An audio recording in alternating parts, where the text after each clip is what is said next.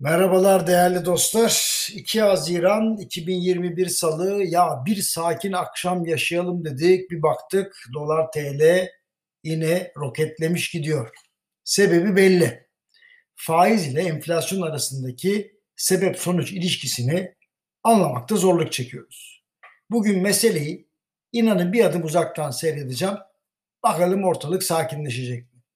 Şimdi müsaadenizle Sadece bugünlük büyüme meselesine tekrar bakayım çünkü söz verdim daha derin analiz yapacağım diye. Büyüme rakamı malumlarınız %7 gibi oldukça yüksek bir seviyede çıktı.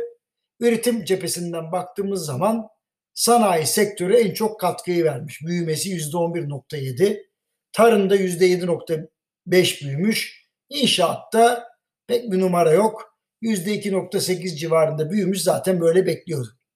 Hizmetler sektöründe %5.9 büyüme var.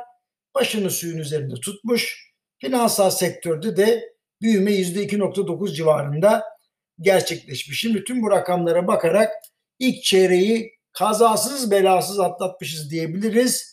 Ancak ikinci çeyrek için böyle neşeli rakamlar olmayacağını anladık. En azından dün geceden beri anladık.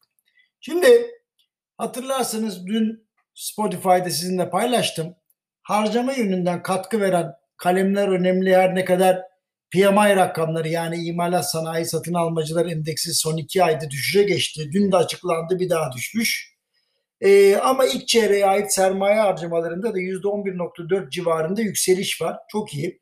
Ee, sanayide hızlı büyüme olmuş birinci çeyrekte. Şimdi hane halkı tüketimine bakalım. %7.4 artmış. Kamu harcamaları bu sefer Valla tık yok. Yüzde 1.3 mütevaziden bile düşük. Herhalde bu durum artık kamuda denizin bittiğini gösteriyor. E, kredi desteğiyle yola devam etmemizin de sebebi bu. Kamuda gücü, kamunun gücü kalmadı yani. Şimdi diğer taraftan ihracatı alkışlayalım hem de ayakta alkışlayalım. İhracatın büyümeye katkısı net 3.3. Çok iyi bu. İthalatta da %1.1 daralma gerçekleşmiş. Yani niye önemsiyorum? Geriye dönüp baktığımızda Türkiye'de hızlı büyüme olduğu zaman hep ihracatın katkısı ya negatif ya da küçük oluyordu. Şimdi Türkiye ekonomisinin kendisini zorla ihracatçı yapmaya çalıştığını görüyoruz. Vallahi Türkiye İhracatçılar Meclisi'ne ve ihracatçı birliklerine teşekkür ediyorum. Bu müthiş bir şaba. Şimdi ne geliyor bu hafta? Bir de enflasyon oranları. Ardından bu ay Merkez Bankası'nın kararı var. Şimdi bunlar test niteliğinde.